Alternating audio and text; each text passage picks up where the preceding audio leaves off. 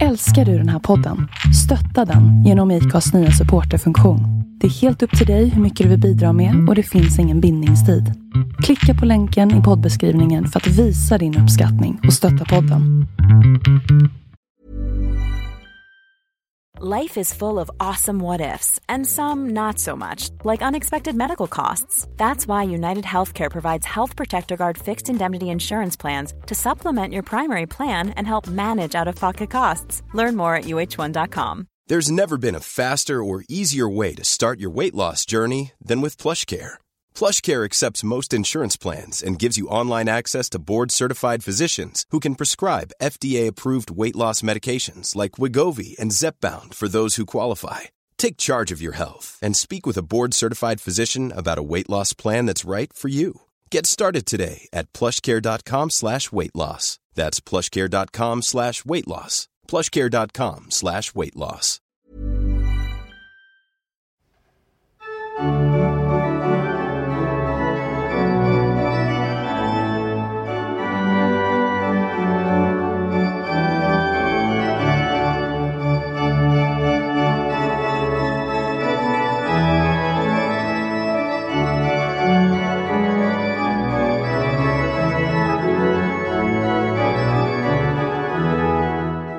Ja, hej och välkomna till avsnitt 81 av podden Vi går till historien.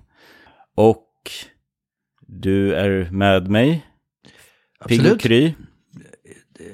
Absolut. Ja, du har ju fått någon influensa här så det blir någon dag försenat här, eller? Det är det du tänkte säga. Mm, ja, det var det jag tänkte på, ja. Mm. Ja, ja, det hoppas jag ni överkör med.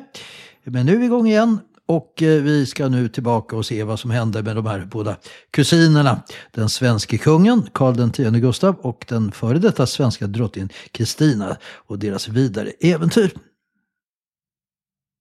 Kristina lämnar Rom sommaren 1656 för att bege sig till Frankrike. De stora förväntningar som påven och den katolska kyrkan haft på henne hade väl inte riktigt infriats. Jo, inledningsvis. Det enda barnet till den store Gustav II Adolf som kämpat och dött i kampen mot katolicismen går att bli katolik och flyttar till Rom. Ja, det är ju svårt att tänka sig en större propagandatriumf för Vatikanen. Men Kristina blir, som vi konstaterat, inte ett lydigt verktyg för påven och hans kyrka. Till det är den nu 30-åriga Kristina alldeles för självständig och för frispråkig, rebellisk och stark. Hon är verkligen inte den som låter sig styras av andra. Kristina är känd för sina deviser, sina maximer. Eh, hon eh, skrev ned eh, dem när hon blev äldre, vi ska återkomma till dem. Men en av dessa tänkespråk formulerade hon redan vid 16 års ålder. Den som kan tillhöra sig själv bör ej tillhöra någon annan. Vad säger du om det? Klokt sagt av en 16-åring. Ja. Men jag vet inte om det var så. Ja, ja men kanske. Men, Men eh, det alla är, är inte lite typiskt tonårsaktigt? Ja, ja, det kan du ha rätt i. Det kan du ha rätt i. Eh, ja, det säger väl något om hennes eh, personlighet också. Att det kanske var bland annat därför hon inte kunde tänka sig att gifta sig. Hon kunde liksom inte tänka sig att underordna sig någon annan. Då, I Rom då får hon ju disponera ett eget litet palats, Palazzo Farnese. Ett lån av hertigen av Parma med konstnärliga utsmyckningar av bland annat Michelangelo.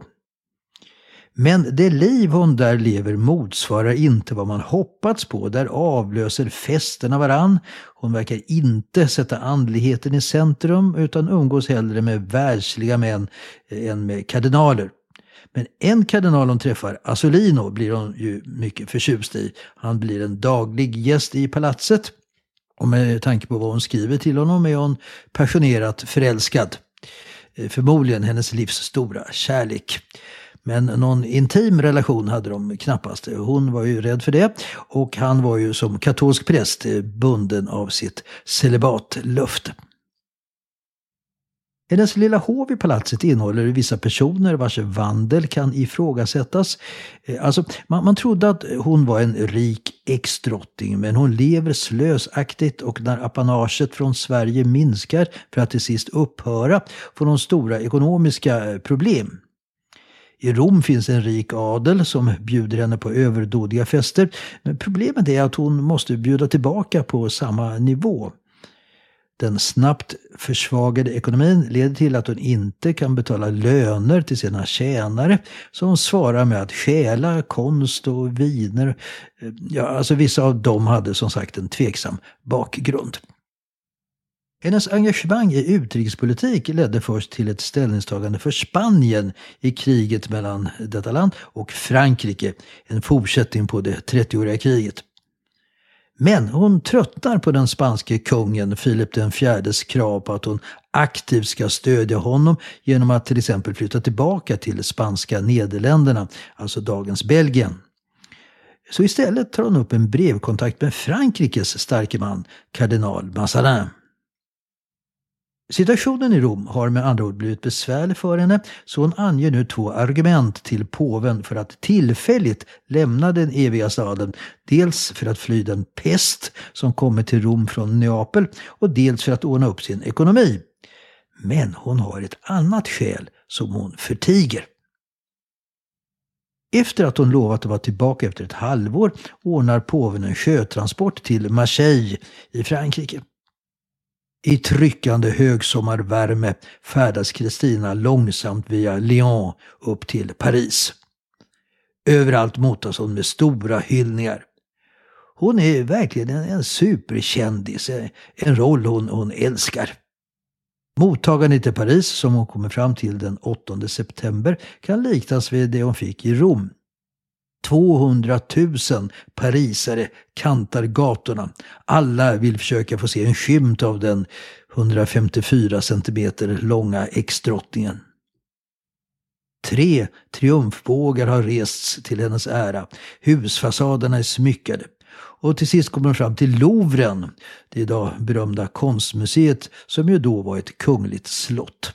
Och här har man gjort i ordning en våning åt henne. Kristina stannar en vecka i Paris. Hon besöker alla kända byggnader. Hon tar nattvarden i Notre Dame. Hon träffar bland annat en annan drottning i exil, nämligen Henriette, änkan efter den halshuggne engelske kungen Karl den förste. Så är det dags att möta det franska hovet som uppehåller sig på det kungliga slottet Compiègne. Compiègne är ju känt från 1900-talshistorien, eh, nämligen eh, från en järnvägsvagn som står i skogen där. Vet du vad jag syftar på? Har du sett någon bild eller någon gammal journalfilm som visar den här järnvägsvagnen i Compiègne-skogen? Mm. mm. Det låter ju som att det var där man skrev under någon form av fredsavtal. Alldeles riktigt. Eh, det var alltså där som Tyskland undertecknade kapitulationen efter första världskriget. Men vad som kanske är ännu mer bekant eh, och en bild som man kan se framför sig, det är ju när tyskarna sen besegrat Frankrike 1940, alltså under andra världskriget, efter blixtkriget i väst. Då var ju rollerna ombytta. Och fransmännen fick då i samma järnvägsvagn skriva under sin kapitulation. Och det lär ha varit Hitlers idé. Och eh, han var ju själv där. Eh, och han var ju så glad att eh, han tog ett litet danssteg som man ser i ett klassiskt gammalt journalfilmsklipp som du kanske har sett. Det var ju nästan lite grann höjdpunkten där när han hade tagit revansch mot Frankrike. Sen skulle ju krigslyckan vända, eller hur? Nå, på slottet Compiègne träffar Kristina kardinal Mazarin och även kungen Ludvig den XIV som skulle bli landets mest berömda kung genom tiderna, Solkungen. Nu är han ännu bara 18 år gammal. Eh, hon träffar också hans mor, enkedrottningen Anna. Men Kristina ger inget positivt intryck vid det franska hovet. Hon är felklädd, hon bryter mot alla konvenanser, hon kan till exempel sätta sig i en stol och lägga benen över stolskarmen. Hon låter sig inte imponeras av någon eller något. Hon utstrålar en för fransmännen eh, okvinnlig självsäkerhet. Och det här med att känna av stämningar och anpassa sig efter situationen, det är ju inte Kristinas styrka. Efter de inledande ceremonierna träffar hon sen kardinal Mazarin för ett enskilt samtal. Där diskuterar de en smått otrolig plan. Kan du ana vad den kan gå ut på? Eh, jag, jag, kan ge någon, någon ytterligare... Mm, det måste du nog göra. Mm, det måste jag nog göra. Kristina, hon eftersträvar ju ett självständigt liv med stor frihet och kulturella och filosofiska vetenskapliga upplevelser. Men det finns ytterligare ett behov hos henne som hon nu, när hon inte längre är praktiserande drottning, saknar, nämligen makt. Hur ska hon få det? Ja, hur tror du Mazarin skulle kunna hjälpa henne med det? Mm. Hon vill ju inte gifta sig och vill ju inte, men hon, hon kan väl bli ståthållare över något ställe. Ja, det är svårt här. Men ja, ja. ja, men du är inne på det spåret. Alltså, helt enkelt genom att bli regerande drottning igen. Och det är det som hon nu hoppas att kardinal Mazarin ska hjälpa henne. Nu är frågan var. Eh, Alltså Kristina har ju nu bytt sida och stöder Frankrike i dess kamp mot Spanien. Spanien hade ju varit 1500-talets främsta supermakt. Hela Sydamerika, förutom det portugisiska Brasilien, hör dit.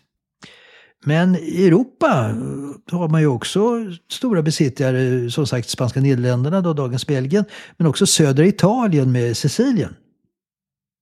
Syditalien det hade hört till Spanien från slutet av 1200-talet och eh, fanns kvar i spansk eh, ägo ända fram till början av 1700-talet efter freden i Utrecht efter spanska tronföljdskriget. Och Mazarin, han har nu en idé. Att gå till attack mot Syditalien och mot Neapel och där upprätta en monarki med Kristina som regent. Vad säger du om det? ja, det är så barnsligt på något sätt. Jag förstår du vad jag menar. De sitter där och det är ändå människoliv och sen bara, ah, fan, vi, vi går till södra Italien, där finns en liten spansk besättning, det, det kör vi på, så får du bli drottning igen. Ja, det är, ja, men det, är- ja, det är spännande, men det är ja, Ja, ja, jag förstår hur du tänker. sanslöst på något sätt. Men ja, kör på. Ja, nu ska vi se hur det går. Ja. Eh, alltså, eh, eh, Ma- Ma- han, han sluter nu i, här i slutet av september ett hemligt fördrag med den svenska exdrottningen där hon accepterar att hon ska efterträdas av Ludvig den XIVs lillebror, hertig Filip d'Anjou. För Mazarin är Kristina ett intressant val. Hon är ju otroligt känd i den katolska världen och har påven bakom ryggen. Och för Kristina är det här oerhört lockande. Hon har saknat den politiska makten och hon är också mycket tillfredsställd med uppgörelsen att efterträdas av en Bourbon. Att hon inte, som när hon var svensk drottning, behöver känna någon press på att gifta sig och få en arvinge. Mazarin lovar att invasionen mot Neapel ska genomföras inom ett halvår. Kristina lämnar nu Frankrike och åker tillbaka till Italien, men inte till Rom, utan hon reser längs östkusten vid Adriatiska havet och slår sig så småningom ned i en liten stad Pesaro i närheten av den idag berömda badorten Rimini. Det kommer du ihåg från våra bilsemestrar. Eh, anledningarna är två. Dels ekonomisk. Det är billigare att leva här än i Rom, men också en av politisk natur. Hon intrigerar här för att även få med sig de i allmänhet spansk allierade norditalienska hertigdömena, alltså som Toscana, Mantua, Parma, till sig. Kanske eh, har hon en tanke på att bli drottning av ett enat Italien. En tanke som skulle genomföras först 200 år senare. Men veckorna och månaderna går utan att det, det händer något. Kristina skriver brev i allt mer otålig ton till Mazarin. Hon skriver att hon, citat, älskar stormen och hatar vindstilla. Kanske tänker hon på sin far och nu sin kusin som genom en offensiv krigföring gjort Sverige till en stormakt. Tiden för att hennes dröm om en drottningtron i Europas största kungliga slott i Neapel arbetade mot henne. Efter 30 kriget och dess nu tioåriga förlängning med kampen mellan Frankrike och Spanien började en tilltagande krigströtthet göra sig gällande. I både Paris och Madrid börjar man nu söka möjligheter till fred. Massanin hoppas att Cromwell, Cromwells England eh, här kan spela en medlarroll. Anfallet mot Neapel skjuts upp till februari, till maj, till september. Kristina blir allt mer frustrerad. Mazarins svarsbrev blir allt mer undanglidande i sina formuleringar. Till sist bestämmer hon sig för att resa tillbaka till Frankrike för att på nytt träffa kardinal Massanin öga mot öga och få svar på varför attacken mot Neapel aldrig blev av. Mazarin ser inte fram mot att möta henne. Han försöker avråda henne från att åka med olika svepskäl, vädret, eh, sjukdomsrisker och så vidare. Men Kristina låter sig naturligtvis inte hindras. Hon kommer i början av november 1657 till Frankrike där hon får disponera en våning på slottet Fontainebleau. Härifrån fortsätter hon planerna på att inta Neapel, bland annat genom att värva legosoldater som ska ingå i invasionstrupperna. Hon köper tyg från Turin och börjar låta sy upp uniformer till, till de här soldaterna. Och hon har också en hemlig brevväxling med motståndsmän i Neapel.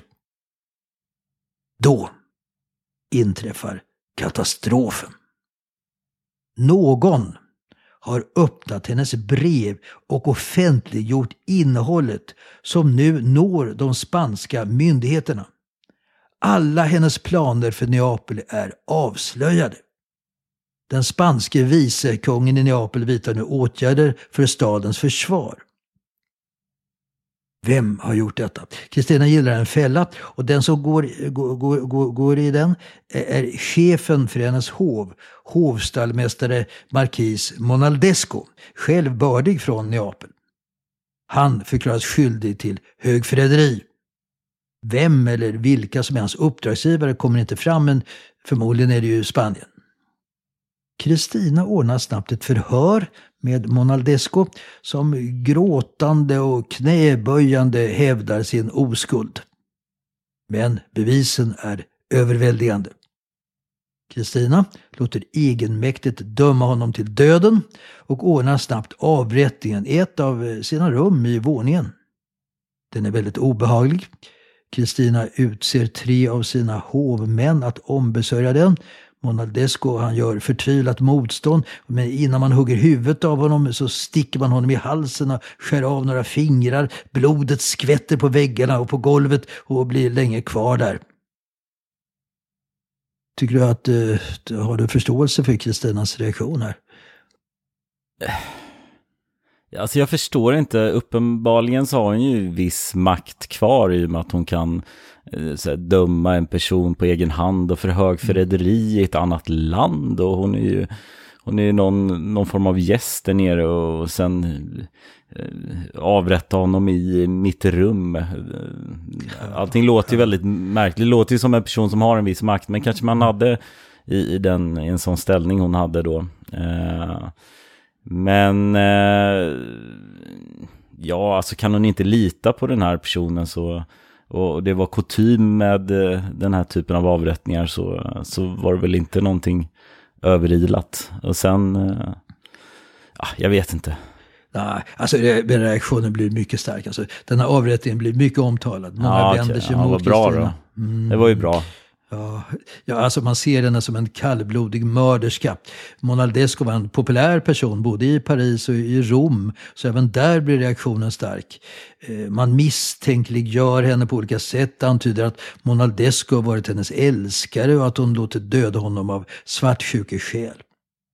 I en italiensk skrift så beskrivs hon så här, citat, en drottning utan rike, en förstinna utan undersåtar, en slöserska utan pengar, en politiker utan politiskt förstånd, en tyrann utan makt. Millions of people have lost weight with personalized plans from Noom. Like Evan, who can't stand salads and still lost 50 pounds. Salads generally for most people are the easy button, right? For me, that wasn't an option. I never really was a salad guy. That's just not who I am. But Noom worked for me. Get your personalized plan today at noom.com. Real noom user compensated to provide their story. In four weeks, the typical noom user can expect to lose one to two pounds per week. Individual results may vary. Hey, it's Paige DeSorbo from Giggly Squad. High quality fashion without the price tag? Say hello to Quince. I'm snagging high-end essentials like cozy cashmere sweaters, sleek leather jackets, fine jewelry, and so much more. With Quince being 50 to 80% less than similar brands. And they partner with factories that prioritize safe, ethical, and responsible manufacturing. I love that. Luxury quality within reach. Go to quince.com slash style to get free shipping and 365-day returns on your next order. quince.com slash style. Everyone knows therapy is great for solving problems, but getting therapy has its own problems too, like finding the right therapist, fitting into their schedule, and of course, the cost. Well, BetterHelp can solve those problems. It's totally online and built around your schedule. It's surprisingly affordable too. Connect with a credentialed therapist by phone, video, or online chat, all from the comfort of your home. Visit betterhelp.com to learn more and save 10% on your first month. That's BetterHelp H E L P.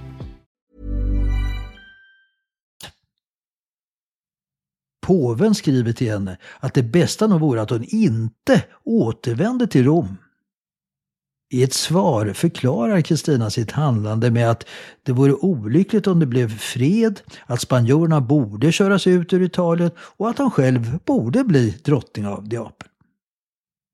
Under vintern stannar de på Fontainebleau men isoleras där av det franska hovet.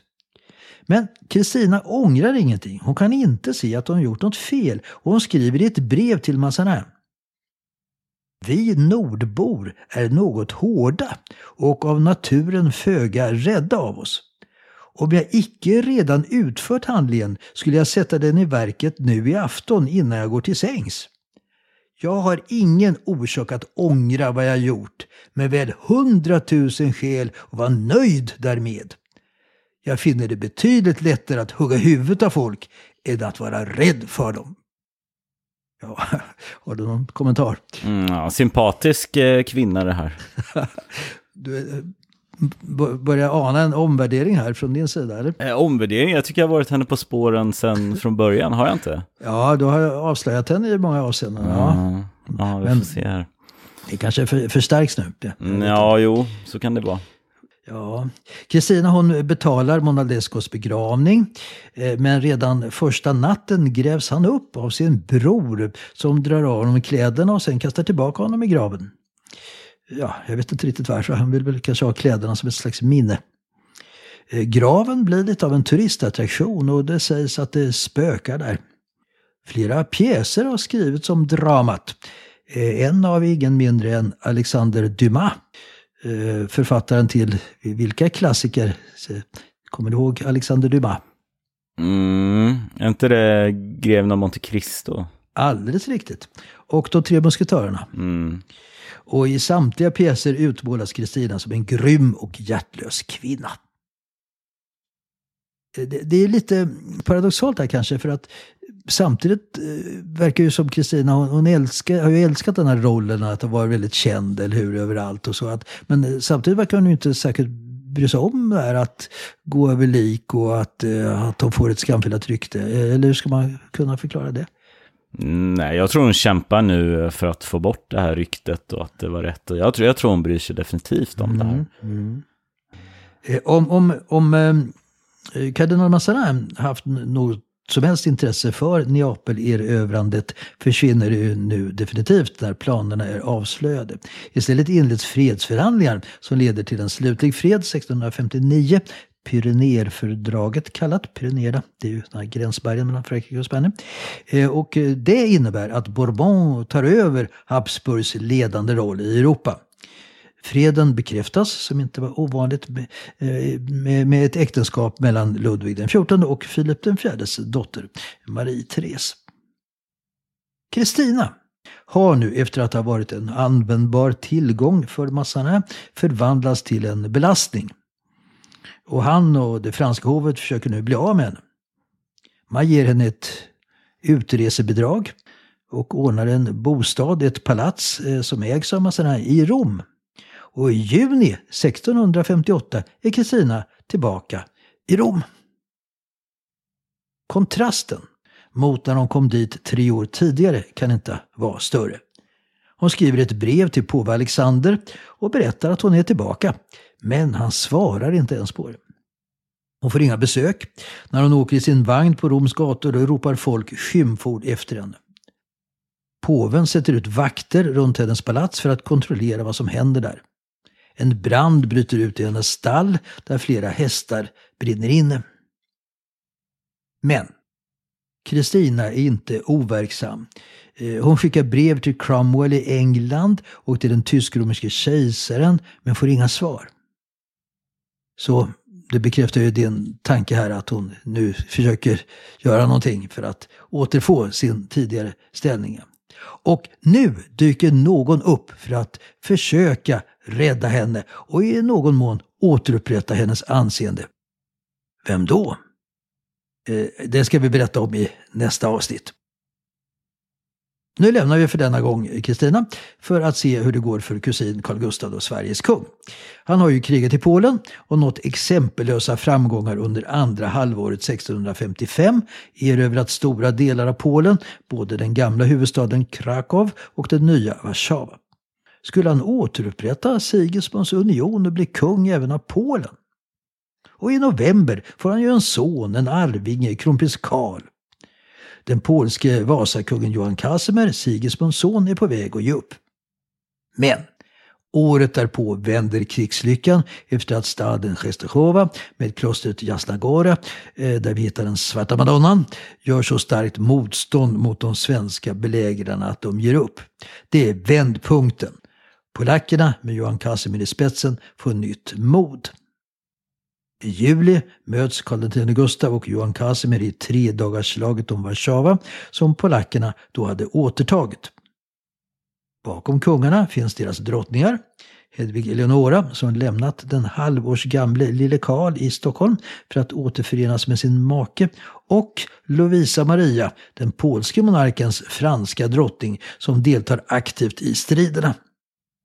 Sverige segrar i det här slaget, men egentligen kommer det inte att betyda så mycket. Polen är inte knäckt och Sverige får allt fler fiender.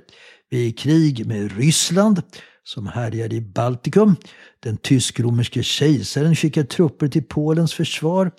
Hollands flotta är beredd att stötta de polska hamnstäderna vid Östersjökusten. Den brandenburgske kurfursten Fredrik Wilhelm är opolitlig och kan lätt byta sida igen. Och slutligen kan man förvänta sig att Danmark, som alltid försöker gå till attack när Sverige är i knipa, ska utnyttja läget. Och det är precis det som händer. Danmark förklarar krig. Men det som kan ses som en ytterligare försämring av ett synnerligen allvarligt läge ser Carl Gustaf nu som en räddning. Hur kan man förklara det?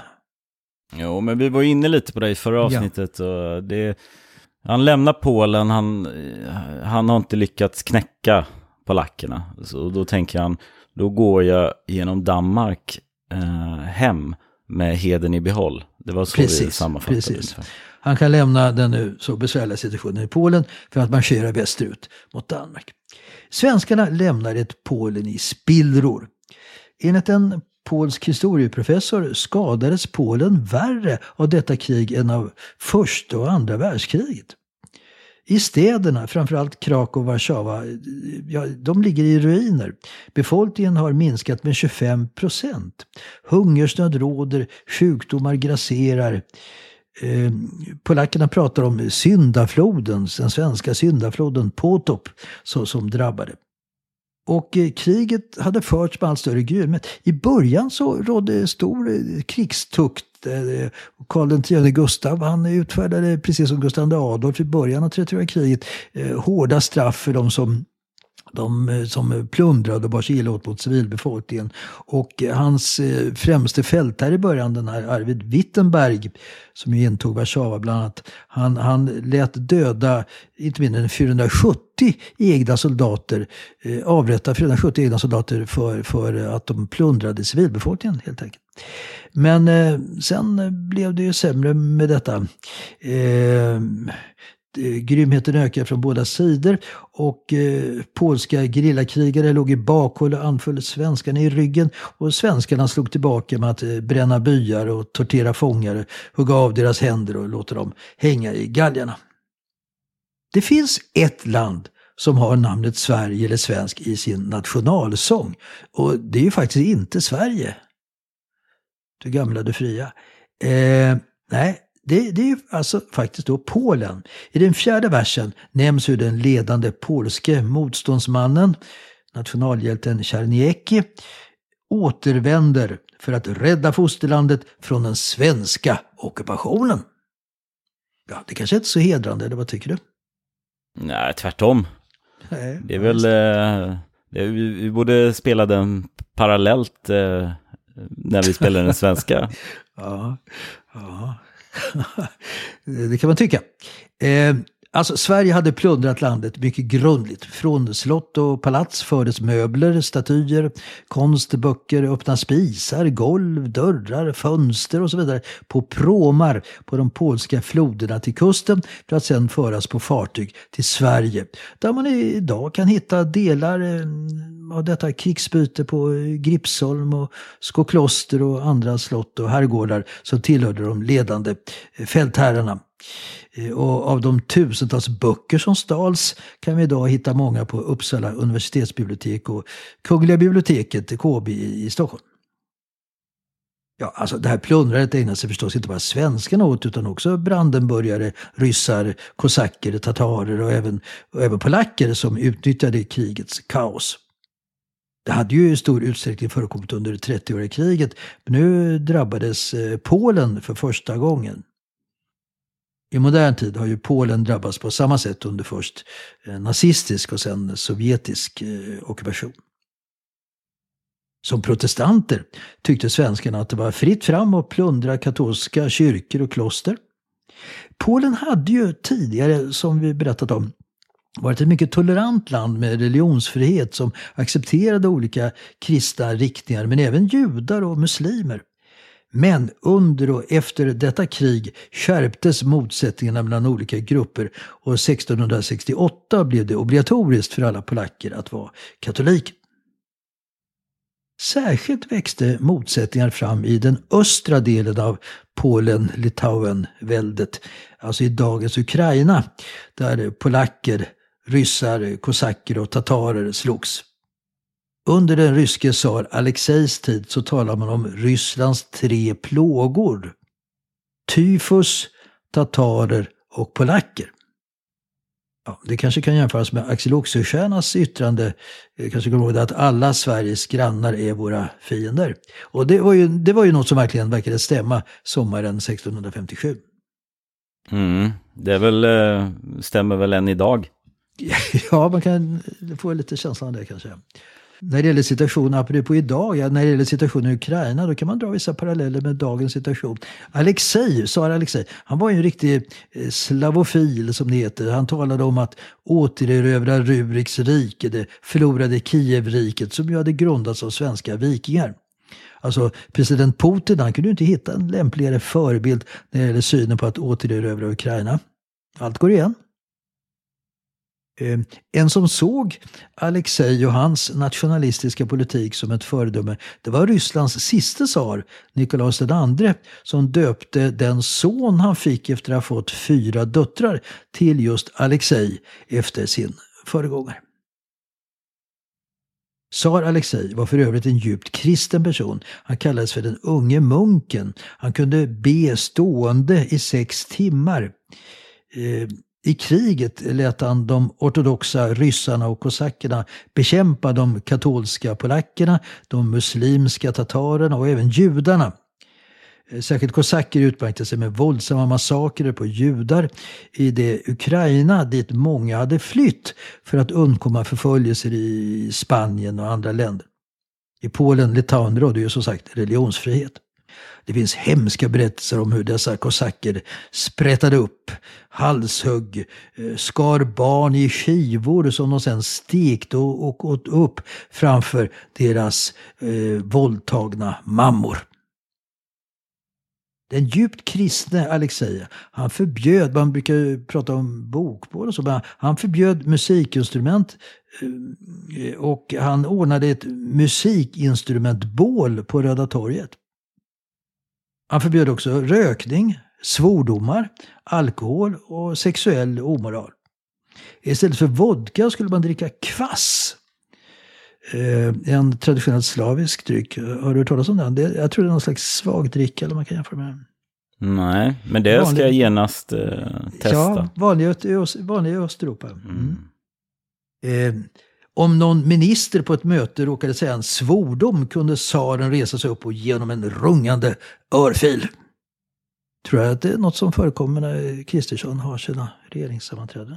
Nej, det tror jag inte. Och det, det är så konstigt, det är så här fanatiskt kristna, det spelar väl ingen roll vilken religion egentligen, men det, det blir ju så eh, brutalt.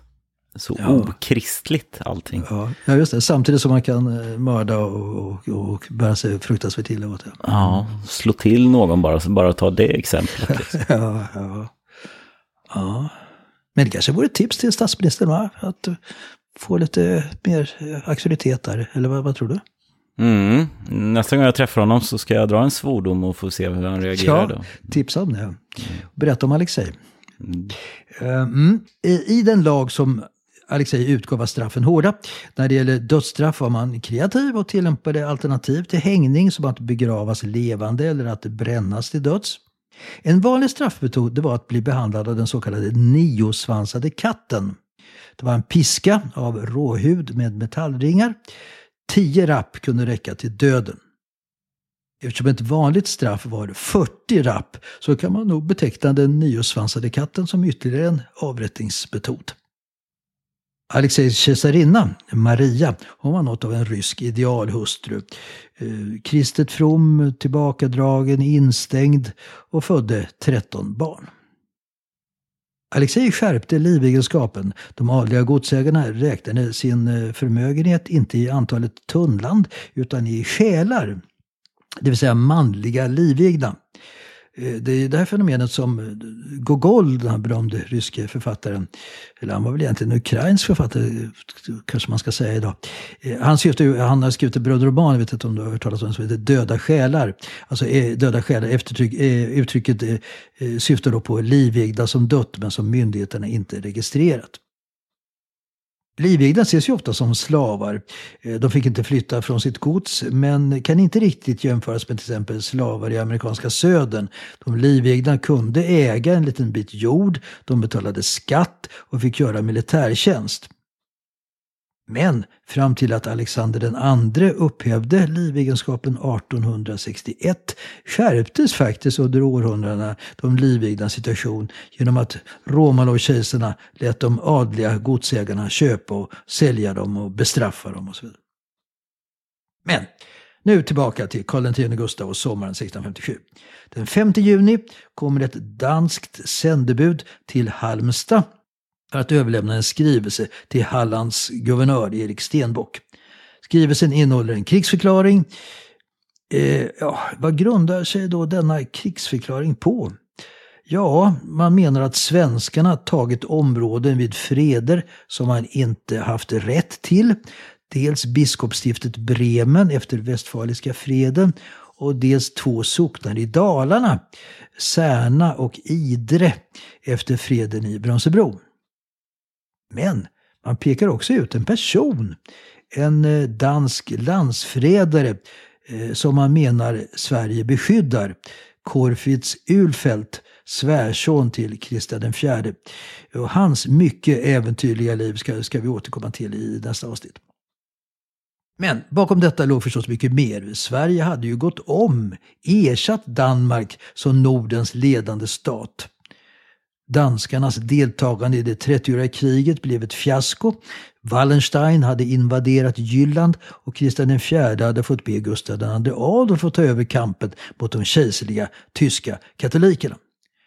Och sen kom 1644 års krig då Torstensson gått upp i Jylland och Gustav Horn i Skåne och danskarna tvingades till freden i Brömsebro där man förlorade Jämtland, Härjedalen, Gotland, Ösel och Halland på 30 år. Särskilt kanske man saknade Halland, där man fortfarande talade danska och hade en adel som var befryndad med sina kollegor i det gamla hemlandet. Nu, landskapet skulle ju tillbaka 1675, ja ja, eh, vi vi får väl se hur det blir med det. Kristian IV är kanske Danmarks mest berömde kung och eh, den som suttit längst på tronen i närmare 60 år. Eh, samtida med Karl IX, Gustav II Adolf och Kristina. Men han tvingades som sagt se att svenskarna blev mer framgångsrika. Eh, Kristian var gift två gånger med sina, hustrur och älskarinnor hade han minst 23 barn. Om det här har vi berättat tidigare. Äldste sonen, Kristian, utsågs till kronprins redan som femåring och fick en gedigen uppfostran och utbildning för sitt framtida värv. Men han visade sig bli mycket olämplig för uppgiften. Eh, som vuxen ägnar han sig åt ett minst sagt utsvävande liv. Han är enormt slösaktig. Han drar på sig stora skulder.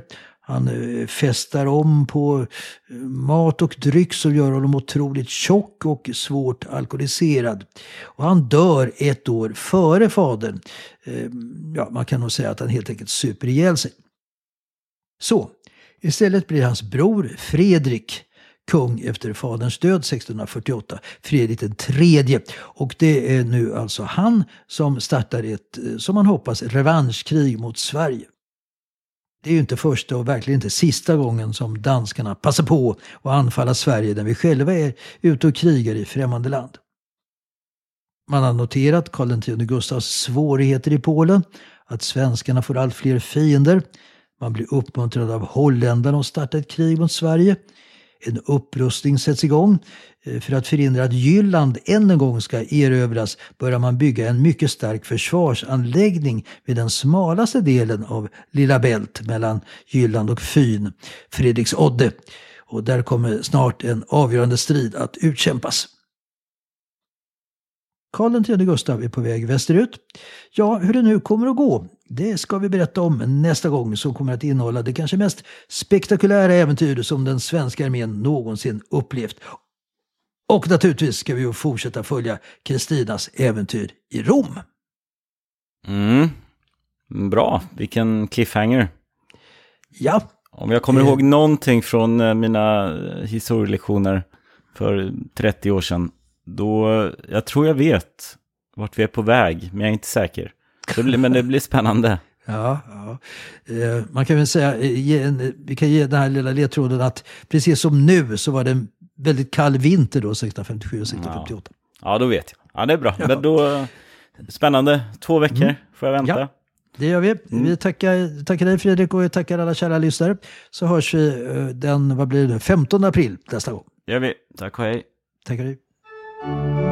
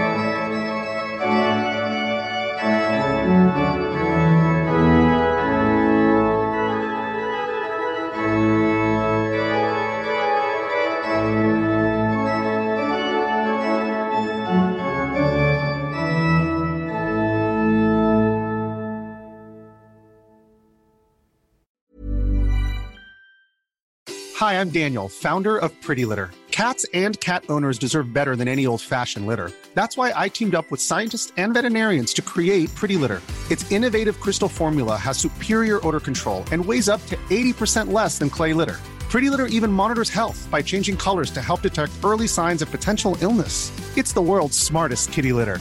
Go to prettylitter.com and use code ACAST for 20% off your first order and a free cat toy. Terms and conditions apply. See site for details. Imagine the softest sheets you've ever felt. Now imagine them getting even softer over time. That's what you'll feel with Bowl and Branch's organic cotton sheets. In a recent customer survey, 96% replied that Bowl and Branch sheets get softer with every wash. Start getting your best night's sleep in these sheets that get softer and softer for years to come. Try their sheets with a 30-night guarantee. Plus, get 15% off your first order at bowlandbranch.com. Code BUTTERY. Exclusions apply. See site for details.